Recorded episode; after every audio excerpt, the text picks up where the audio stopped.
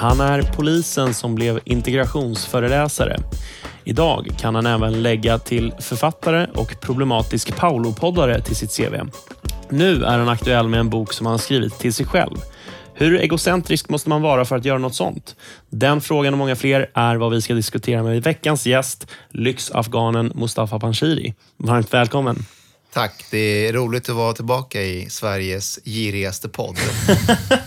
alltså, ja, alltså, det är ju så jävla kul hur många det är eh, som reagerar på våra Patreon-intäkter. Det är ni och haveristerna som liksom har börjat grina över att vi, har dragit, att vi drar in mer än er. Ja, jag vet, men ni vill ju inte visa hur mycket ni drar in. Varför, var, jag måste nog, varför, varför vill inte ni göra det? Det, det, det är ett råd du har glömt i din bok. Ja, inte skryta. Man ska inte skryta. Okej. Mm, mm, just det. Det och att våra Panama-jurister råder oss, våra Panama-jurister råder oss att inte berätta det också. Eh, Ja, men du har skrivit en bok till dig själv. Vad är det här för egocentriskt beteende? Nej, men det är, det är en bok jag hade önskat att jag fick när, när jag kom till Sverige. För mycket var rätt förvirrande när jag kom hit.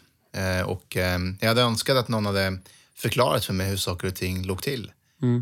Ehm, så jag, jag, jag går igenom sju olika råd som, ja men du vet så här, lär dig språket men ehm, så här lär man sig språket. Mm. Eh, förortssvenska är okej eh, i ett visst sammanhang men det funkar inte i andra sammanhang. Svenska koder, jag går igenom en massa olika koder. Man, man kan skratta åt många av dem men, men de, många följer dem. Men Ehm, vi ska gå igenom de Ja, här okej. råden du eh, ger. Liksom. Eh, Men, men, men vilka var råden du fick istället då? Alltså när du kom till Sverige så fanns inte den här boken att tillgå. Så vad, vad fick du för medskick då? då? Jag fick eh, råd, samma råd som många unga får idag när de kommer till Sverige och det är att var dig själv, ehm, du behöver inte anpassa dig efter någon utan eh, man ska bara vara sig själv så löser sig det mesta. Eh, det finns inte något specifikt svenskt sätt att vara på utan eh, ja, vi är alla människor. Alltså på riktigt, det är det, det är det de får höra och de märker direkt att men det är inte sant. Nej. De här är jättekonstiga, de beter sig konstigt, de, de pratar konstigt. De, det är inte samma jargong, man, allt är olika. Men man kan inte sätta fingret på vad det är. Ja. man vet bara att det inte är det man är. Ja, Men där är ju också, det kan ju också förväxlas i aversion. Liksom. Att man tror att man inte blir insläppt för liksom, andra orsaker än saker man kan påverka. Ta till exempel, eh, jag kommer ihåg min, min, min liksom, mamma tyckte det var så himla konstigt att grannen inte hälsade på oss. Alltså, alltså att man inte spontant liksom var vänner, men som liksom i Iran är man bjuden till grannens barns bröllop. Liksom. Det, det är konstigt här att man bara nickar i trappen. Liksom. Eh, och hon trodde... Fan, att- nickartrappen, det är ju liksom, det är så närgånget det bara blir i Sverige. Fan, jag brukar ju ducka att ens dyka upp i trappen när någon granne är där. Alltså. Men alltså, det är, ju, det är ju där också... Men så stämmer det ju inte det alltid. Alltså ibland, det är bara att den initiala tröskeln är hög. Alltså jag har jättehjärtlig relation med mina grannar, liksom, där vi pratar och plingar på om det är något. Och, kan det inte liksom vara så att om det är bostadsrätt så känner man till varandra lite bättre? För Ja, att- hyresrätter är kanske mer anonyma. exakt. Ja. Men där är ju också...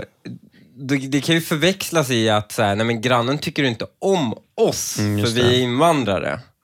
Eh, och inte förstår att grannen är exakt likadan mot sin svenska granne. Ja, alltså samma sak så här, tänk om du är ung kille ehm, och du vet när du börjar bli lite äldre, börjar intressera dig för tjejer, men du märker att så här, svenska killar är på ett visst sätt med tjejerna. Det finns en viss så här, jargong, beteende som de andra så här, responderar på och du kan inte det. Du, du vet inte, och så testar du men det blir bara fel. Sen är det såklart också individuellt, men, men det finns vissa mönster. Eh, och man har inte koll på det. Och så tänker man att nej, men de kanske inte gillar blattar. Mm, precis. Det här, den här boken, som för övrigt heter Sju råd till Mustafa. Vi har inte ens nämnt boken, men jag, du har fått sån jävla spridning på den så att jag gissar att 99,8 procent av våra lyssnare har hört om den tidigare. Men där ger ju du, precis som du var inne på, olika råd då till, till Mustafa. Det vill säga egentligen till nyanlända, men väl också till eh, andra läsare. Du riktar dig ju liksom till två målgrupper. Vill du berätta någonting om det? Ja, det? men jag avslutar varje kapitel med råd till Svenssons. Mm. Och ehm, och där berättar jag, alltså de råden är mer att hur underlättar man anpassningen av de som är nya i vårt land till exempel. Att, men du vet, ställ krav, förvänta dig lika mycket av, av, dem. Ehm, så jag vill ju också att eh, jag vill ju också att majoritetssvenskar förstår och får en insikt om att alltså, det här är ett rätt extremt land. Vi är rätt konstiga när det kommer till mycket. Dels värderingar men också hur vi ser på staten och tilliten. Och att, kom igen, alla kommer inte tycka att det här är helt normalt utan vi måste förmedla det också. Eh, Och det, och det, råd till Svensson, så- vad heter han, Kejsar Mahmoud gjorde, gjorde ju sin egen råd till Ove, skrev han i, i DN. Mm. Men eh, jag skämtade med honom och sa så här, du, hade du läst boken, då hade du sett att jag hade skrivit redan det där. Mm, just det. Men för det där är intressant tycker jag. Alltså, Moderaterna har i sitt, sitt eh, eh, vad heter det, idéprogram väl, eh, skrivit någonting i stil med att eh, integration är en ensidig process eller något sånt där. Jag kommer inte ihåg exakta ordalagen i det. Alltså ska man förstå dig som att du inte håller med om det? Alltså att det inte är bara den som kommer till ett land som anpassar sig, utan att det är en, en tvåriktad Alltså, ja och nej. Därför att jag har ju bestämt sagt att, att det är lättare för de som kommer till Sverige att anamma och förstå majoritetskulturen än att majoritetskulturen ska lära sig hundratals andra olika kulturer. Så integration är för den som ska integreras. Eh, det, det står jag för. Men jag, men jag säger också någonstans att det är också bra om vi så här, förstår vilka vi är, majoritetskulturen, och vilka det är vi har att göra med. Eh, så du vet, om någon knackar på dörren så måste du också öppna dörren. Typ så. Men det är fortfarande, bördan är på den som ska integreras. Ja, alltså precis. Man kan väl, eh, jag ska inte lägga ord i munnen på det, men jag tänker lite sådär att den som blir lidande om man inte integreras är i första hand den som inte integreras. Så att det är väl ett ganska sådär eh, resultatorienterat synsätt att se det som att det här är liksom, om du vill integreras så finns det en snitslad bana för hur du skulle kunna få, det, få till det. Eh, och eh, om du ser det som att det ligger i hög grad på dig själv att lyckas med det, så kommer du sannolikt lyckas med bättre resultat än om du bara sitter och väntar på att någon ska integrera dig. Det är väl, liksom, Ja. det är väl ett förhållningssätt som man förmodligen gynnas av i slutändan, ställt mot motsatsen. Ja, alltså jag har varit i så många så panelsamtal och seminarier. Och, ehm, och, och du vet, när man, när man kommer in på så här, i- nu är i- inkludering är det nya ordet. Så här, det är trendigt nu, för Ja. integration är urholkat och, och mångfald är urholkat. Så nu, Ja, Och- men du, det, det är den nya grejen. Man, inkludering kommer gå ut. Okej, vad är det nya då? För förut hade man, det var ju på Spotify som har sån här, då hade de ju liksom eh, integration och sånt. Men sen så började de med inkludering. Och sen märkte de att inkludering är exkluderande. så nu är det belonging. Nej, du skojar. Nej, belonging. Så förut hade de så här, de hade, de hade så här inclusion officers. Liksom så här, folk som var ansvariga för inklusion. Men nu i och med att det är att exkludera folk och säga att de behöver inkluderas så använder de belonging officers. Det här är så stört, därför att inkludering kom ju till för att man tyckte att integration var för hårt. Ja, ja, ja, det blir bara mjukare och mjukare. Ja. Nu ska man känna tillhörelse. Ja, så men den här, jag, jag, jag var senast med i podd, eh, Vision har ju en podd nu. Och så var jag med där och, eh, och då var det Vad någon... fackförbundet? Ja, exakt. Mm. Och det var det är två lärare som, som håller i den podden och så var det eh, någon HR-chef från Ikea, någon chef från Vision och så var det någon annan chef och no, någon annan också. Så vi var ganska många i den här podden, men allt, allt handlar om inkludering då. Så här. Alltså vi fick tio frågor i förväg. Varje fråga innehöll inkludering. Så här. Varför är inkludering bra? Varför mår vi bra av inkludering? Och alla satt och så var det så superlativa ord om hur fantastiskt bra det är med, det är med inkludering. Och till slut sa jag så här, men alltså hörni, jag, jag, jag hänger inte riktigt med så här, för eh, så här, om man ska inkluderas, då inkluderas man väl in i någonting. Eller hur? Så, så det finns ju ramar då. Precis. Ja, jo men det gör det. Okej, så då betyder det att den som kommer, den ska inkluderas i de här ramarna. Nej, man måste, varje, varje gång det kommer en ny person då börjar man om från början. Så bara, men vänta, men, fast det, det blir ju jättegalet. Så här, jo, men, men så gör man. Och så här, okay, ta, ta ett annat exempel. Då. Säg att eh, någon börjar på jobbet på en ny arbetsplats och eh, den eh, jättebra person och, och eh, bra kompetens, passar till jobbet. Men det kommer fram att personen inte skakar hand med kvinnor. Ska den här personen inkluderas då in i arbetsplatsen? Eh, det blev tyst.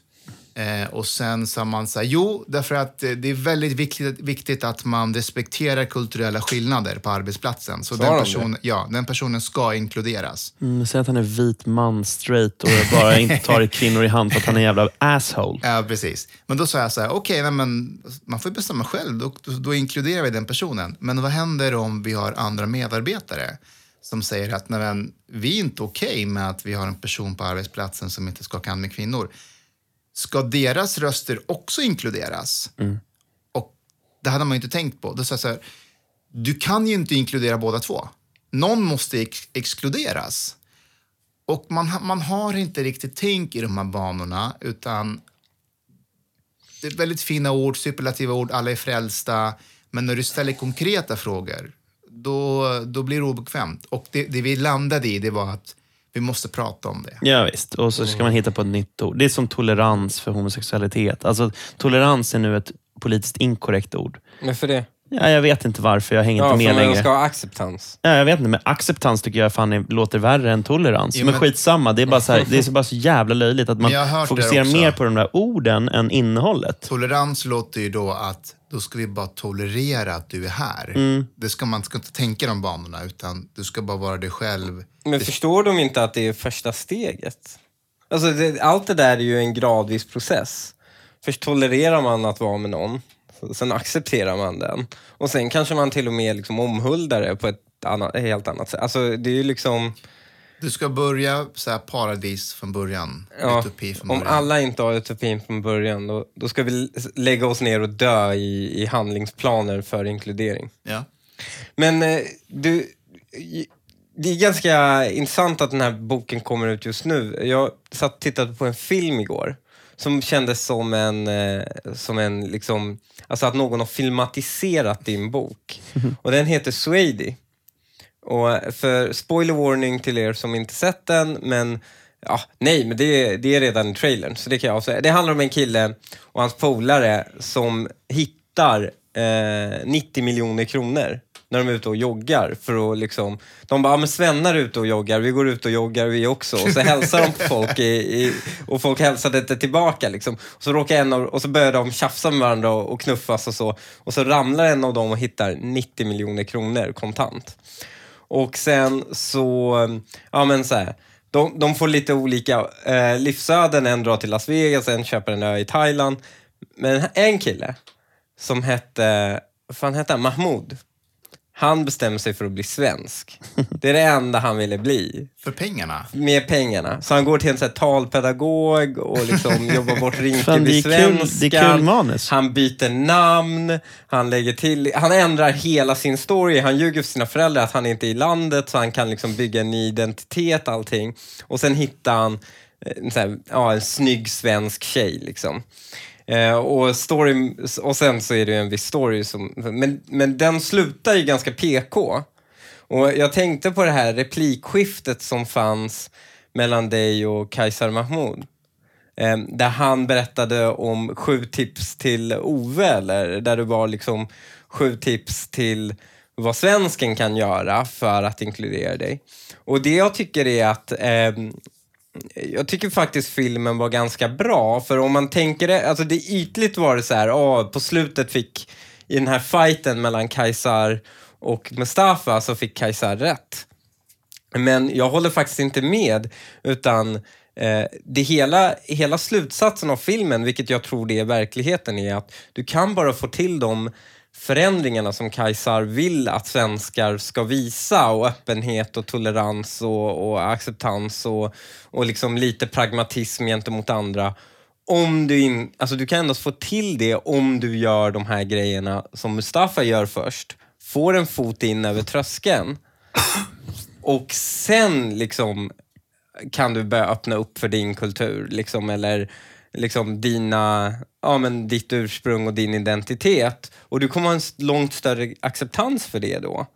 Men jag menar, eh, vi kan ju liksom leka med exemplet, ja, men ta till exempel, jag har i den här podden pratat ganska mycket om Irans kultur och, och, och kultur från Mellanöstern och sånt. Det hade varit otroligt svårt för mig att nå den breda målgruppen av svenskar om jag hade suttit hemma och bara liksom brutit på Rinkeby svenska i Adidas-byxor och bara, varför har inte jag en plattform att tala för folk?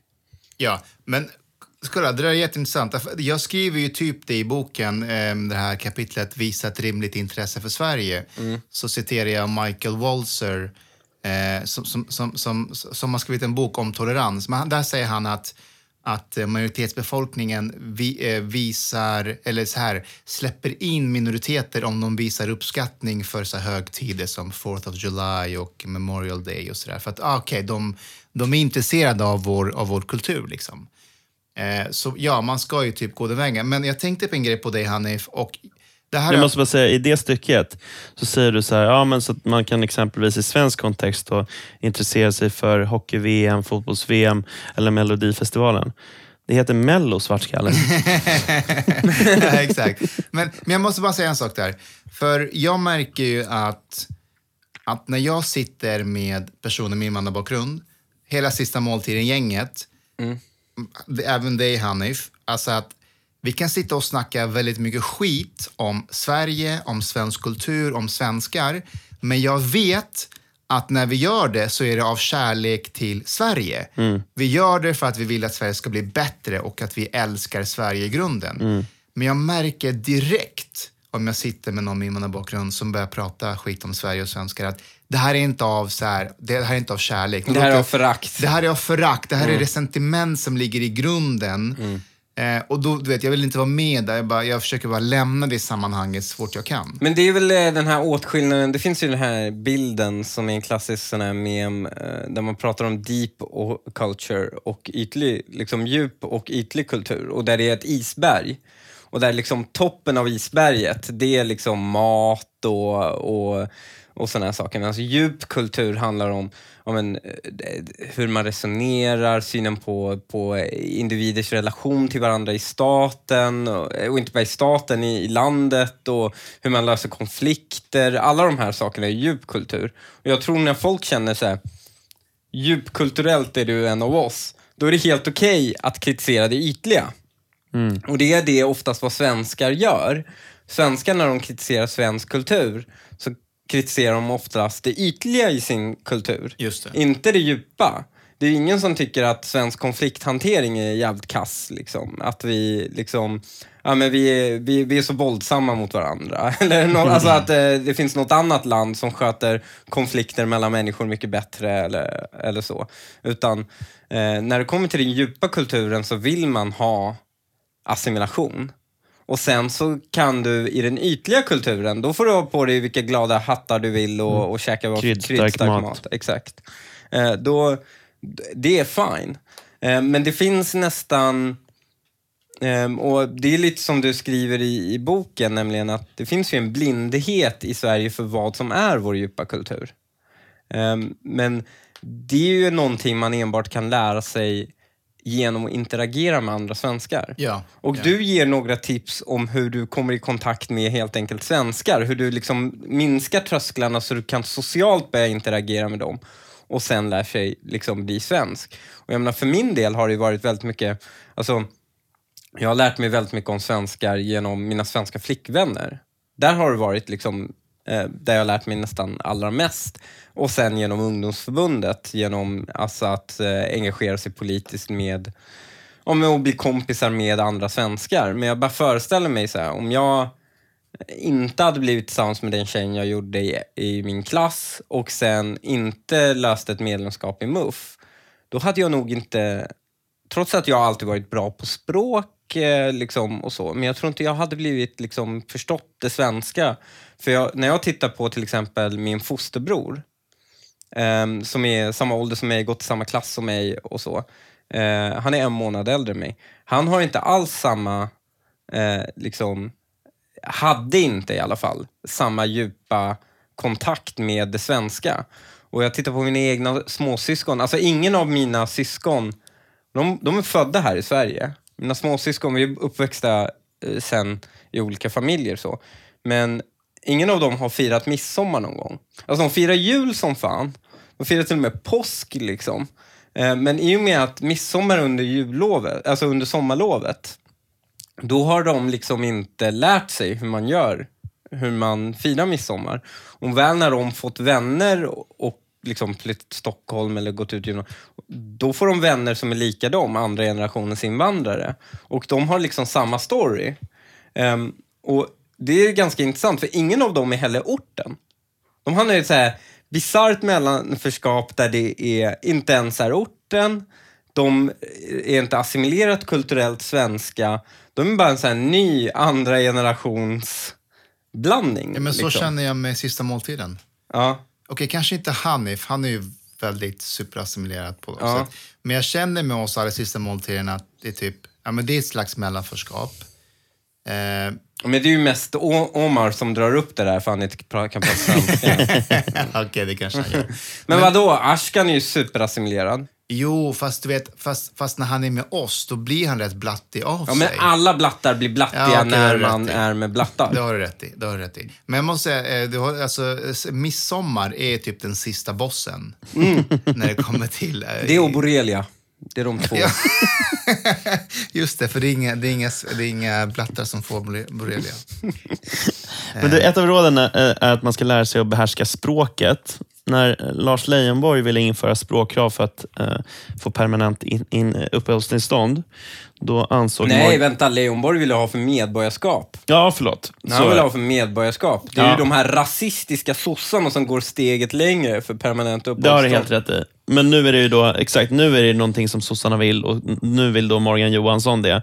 Men när mm, Lars Leijonborg ville den mildare varianten av det, då var det alltså att det lät det som, att, eh, som så att han, han ska ha varit en magnet för främlingsfientliga väljare. Eller det här förslaget var det.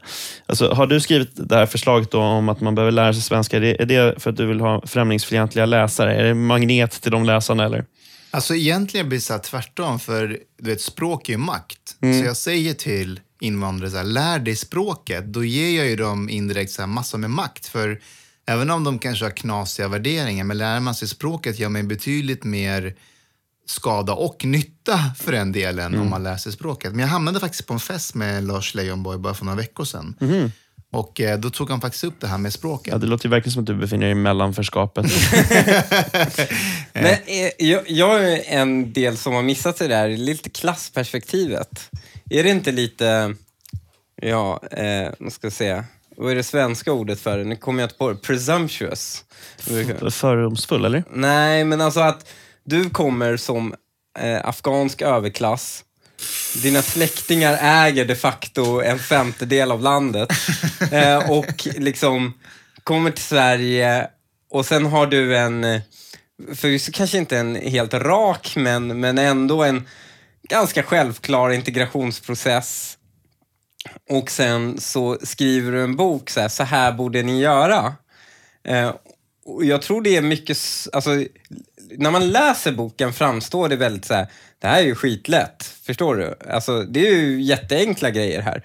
Men det är egentligen mycket, mycket svårare, särskilt med de med ganska begränsade verktyg. Så är det de kraven som egentligen ställs för dig för att uppnå det här är ju ganska höga. Alltså lära sig språket, bara en sån sak. Alltså, det, det är inte så jävla lätt att göra det i ett område där ingen, ingen pratar svenska.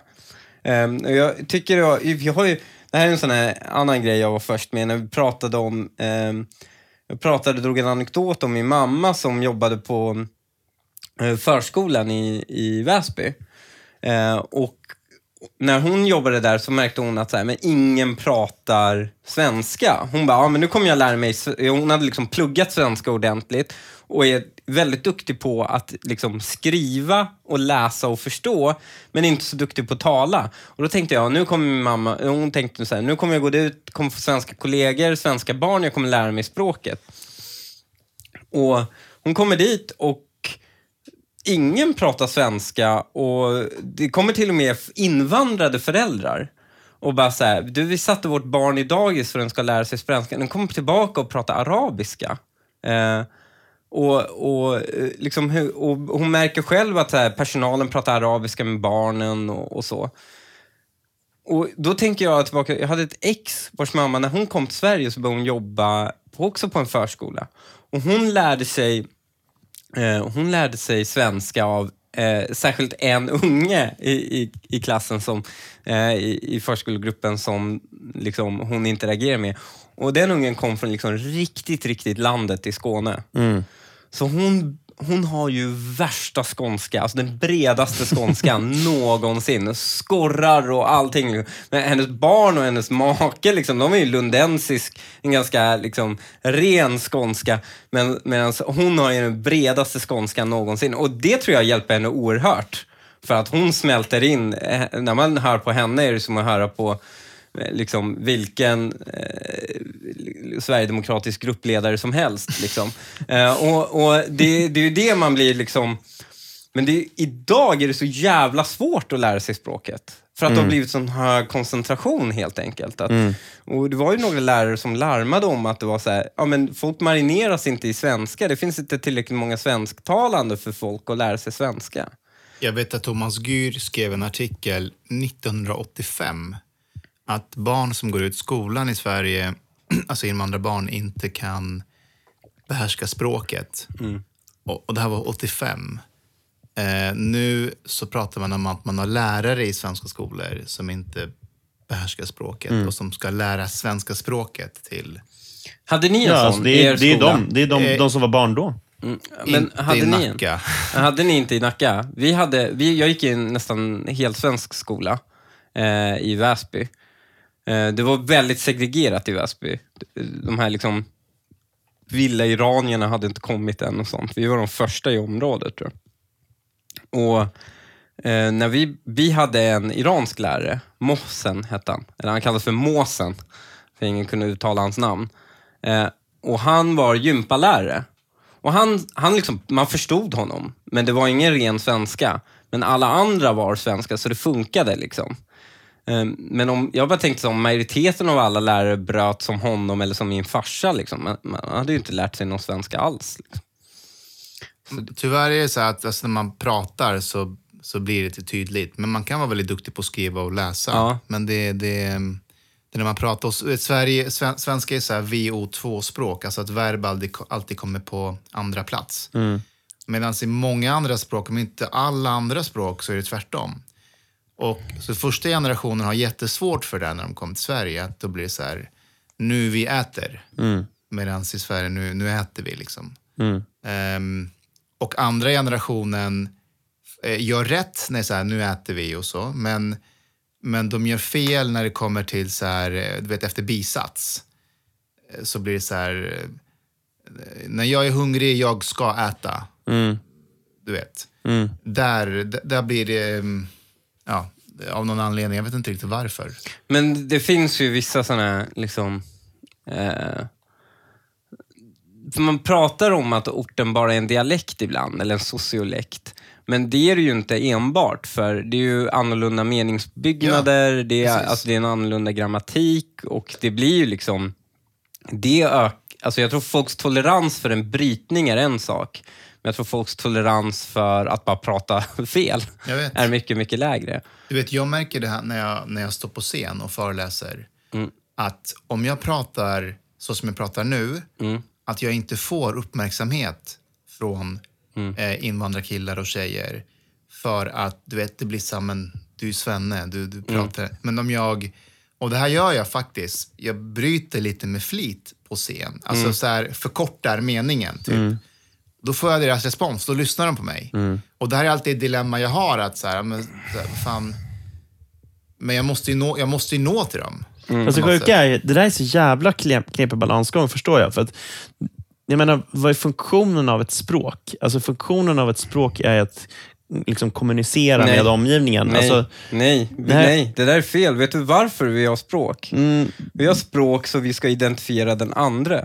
Germanska stammar har väldigt, väldigt svåra språk, så de ska lätt identifiera vem som inte tillhör dem. Okej, nu pratar du om någon slags evolutionär funktion Ja. av det, men det är fortfarande så att när han står på en scen så står inte han och pratar för att han ska veta vem som är liksom nordgerman Nej, men du får ju tänka vad vår hjärna är programmerad att göra när den hör någon tala. Jo, Då men kommer det, den ju bara direkt bara, är du ingrupp eller utgrupp? exakt, men det är ju det som jag säger, att när du står på den scenen Mm. så försöker ju Mustafa kommunicera och då eftersom att de ska ta emot den kommunikationen Mm. så blir det ju exakt den funktionen att säga, ja, alltså, om jag kortar av meningen så att det blir tendens till förortssvenska Ja. så kommer du ju nå dem bättre än om du inte gjorde det. Alltså då är du ingrupp snarare än utgrupp. Alltså det, är det, det är det som är grejen, så jag förstår ändå den funktionen i det. Men grejen med förortssvenska är ju, alltså, om man hamnar i det där mellanförskapet, där du inte har ett modersmål från ditt hemland eller från dina föräldrars hemländer som du verkligen bottnar i och inte heller bottnar i det svenska modersmål, eller svenska språket, då befinner du dig i ett slags jävla lingo. Liksom. Alltså, Ja. och Det är det som är det farliga. Alltså, du kan använda eh, då förortssvenska för att nå fram till människor. Men du kan också använda liksom, vad ska man säga, rikssvenskan för att, på en anställningsintervju eller någon annan typisk sån situation. Problemet med de som sitter i publiken är att de är, de är begränsade i många fall till bara förortssvenskan. Precis så. Jag skulle vilja Det, det, utveckla... här, det här, vi tog ju upp det här i, i, i podden om att eh, när jag blev uppringd av bedragare. Nej, vadå? Jag blev uppringd av bedragare och sa, hej du har inte betalat din faktura för medicinen vi har skickat till dig. Liksom, så här. Eh, Men det sa de ju inte så, utan det var ju, hej den här fa- fakturan vi har skickat... Alltså det var liksom, alltså, det var att de förs- det, det lät som en invandrare som försökte prata ren svenska och bara la till avancerade ord den inte förstod. Liksom. Och jag la till en brytning jag också och jag sa, Ej grabbar, om ni ska försöka blåsa mig får ni försöka lära er språket. i och de bara började garva. De bara, ah, bra, bra, bra, bra, okej skitsamma. alltså, det, det, det, de klarade inte av att liksom Turing-testet helt enkelt, är det här en svensk person eller inte? Mm. Och när du inte klarar av det Turing-testet, och den som inte vet vad Turing-testet är, så är det ju att eh, om du ska avgöra om, någon, om en robot är tillräckligt smart eller inte, så att du kan kommunicera med den utan att förstå att det är en dator. Det är då du klarar, det är det som är liksom Turing gjorde som kravet för att om det är ett AI eller inte, alltså om det är tillräckligt smart AI eller inte, att en människa inte kan förstå skillnaden. Det. Och det här, är ju, det här blir samma sak. Liksom. Det blir ett, som ett nålsöga för att avgöra, är du svensk eller inte? Ehm, men även folk med, ta till exempel Zlatan. Han har ju lite brytning, Ja, ja. men han pratar ju Det gör han. Det är ingen korrekt svenska. Meningsuppbyggnaden är eh, klockren. Mm. Han pratar ju korrekt svenska. Och det är ganska intressant. Han dras ju ofta, ofta upp som ett här, exempel på hur, hur fin integrationen är att när vi möts. Men så här, killen är ju så, så svensk det bara går. Liksom. Sure, han har stor ego och attityd, liksom. men det är snarare en individuell egenskap. Men killen liksom, han är tillsammans med en blond brud, har pursvenska barn, gör reklam för Volvo, bor eh, liksom, eh, ja men köpte en villa i det svenskaste området i Malmö. Jagar. Jagar, du vet såhär, killen är ju fullt assimilerad. Så, och liksom, vill man dra honom som något exempel för hur fin in, integration ska vara, då måste man ju vara ärlig med hur assimilerad han är också. Men, det men jag tycker det är skitbra att man tar någon som exempel för då avslöjar man vad det är för slags integration eller assimilation man vill ha. Zlatan är lite exotiskt. Det gillar man. Lite grann, men inte mer än så. Annars ska han, vet, som du säger, han är ju superassimilerad, men lite exotisk eh, går bra. Det här med svenska koder då. Du säger att man ska lära sig svenska koder. Vad är svenska koder? Det är oftast informella koder som svenskar följer omedvetet slaviskt, men man utgår ifrån att men vadå, alla andra gör väl också så. Typ så här, prata med små bokstäver till exempel. Det, det är någon grej som jag märkte när jag, kom, när jag var ny i Sverige. Eh, min pappa kom hit ett år tidigare än oss. Så när vi kom, då var vi, på, då var vi och badade på Flatanbadet eh, där i, mellan Tyresö och, eh, och Älta. Och jag kommer ihåg att min, min brorsa var lite långt ifrån mig på stranden så jag skrek till honom så här, kom hit så här. Och min farsa kom direkt och sa på skarpen så här, hör ni hur tyst det är på stranden? man skriker inte liksom. Och jag såg omkring mig, det var ju hundratals, kanske tusen. Men det var knäpptyst på något sätt. Alltså en så låg nivå av ljud, men ingen som skrek på varandra. Så hade det varit i Afghanistan, det är som ett torg i Egypten. Liksom. Det är mycket ljud. Så det är sådana grejer eh, som man tänker att ja, men alla gör väl så, fast det stämmer inte. Utan det är specifika fenomen i Sverige. Alltså, jag tycker det är kul, för du, i det här kapitlet om svenska koder så skriver du att självbehärskning betraktas som en dygd i Sverige. Att liksom undvika drama och hålla känslorna i styr, det uppskattas i alla lägen, utom just eh, idrottsevenemang. Och jag tänker lite på, på det när, när du var på Bokmässan i Göteborg och hade Alexandra Pascalido som moderator i en paneldiskussion. Debattör. Ja, precis. Det var ju just det. Hon iklädde sig liksom en slags fri roll på mittfältet. där. Alltså, alltså, vi har varit inne på det tidigare i podden, men alltså, din självbehärskning i den situationen, det är ju alltså, det är, det är svenskare än, än Mattias Karlssons här brännvinsbordet. Vet, när, han, när han skar så här tre centimeter tjocka skivor av en korv och drack en så här trögflytande gubbdryck. Liksom. Jag har aldrig sett den, det måttet på självbehärskning. Vad fan var det som hände? Ja, men jag, jag, jag tror att jag var tagen och chockad. Eh, det var nog mer det. Men det som var intressant var att alltså, jag fick så många meddelanden efter det där och Mm. nio av tio var vad bra att du var så lugn. Ja, men precis. inte Du, nu, du, det där är ju sista bossen. Nu är du inne i värmen. Liksom. Ja, ja, för att jag tror att i svenska sammanhang, om du börjar vifta med armarna och höja rösten, även om du har rätt så ses det som aggressivt och provocerande. Jag tror att det finns många som också, och det, det här som jag så, kultur är intressanta, för du kan inte generalisera alltid heller. För det finns ju de som uppskattar det. Om, om Hanif brusar upp i olika sammanhang, han har ju jättemånga som kommer bara, kör hårt Hanif, det är helt Mm, det är jävla jättemånga. rätt.